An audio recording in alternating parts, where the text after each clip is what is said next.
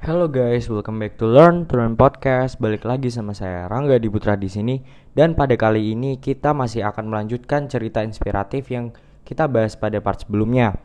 Bila saja Ali Hafed mengetahui seperti apa bentuk batu permata itu sebelum menjual rumah dan ladangnya, mungkin dia akan lebih mudah menemukan batu permata di pekarangannya. Anda tidak pernah akan menemukan yang Anda cari hingga Anda mengetahui dengan pasti apa yang sebetulnya Anda cari.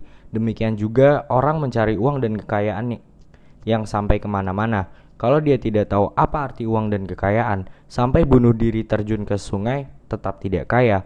Sama halnya dalam pasar saham.